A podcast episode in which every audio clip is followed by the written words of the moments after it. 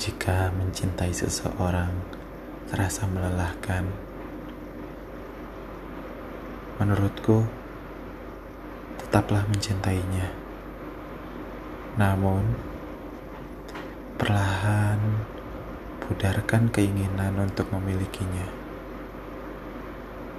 Cintailah, tak perlu berharap lebih, maka cinta yang kau miliki sungguh besar dan suci. Aku jamin, tak ada tandingannya di dunia ini. Lalu,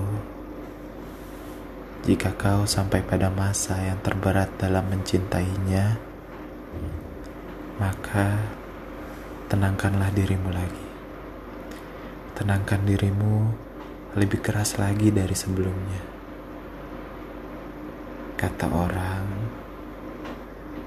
cara paling mudah untuk melepaskan mendung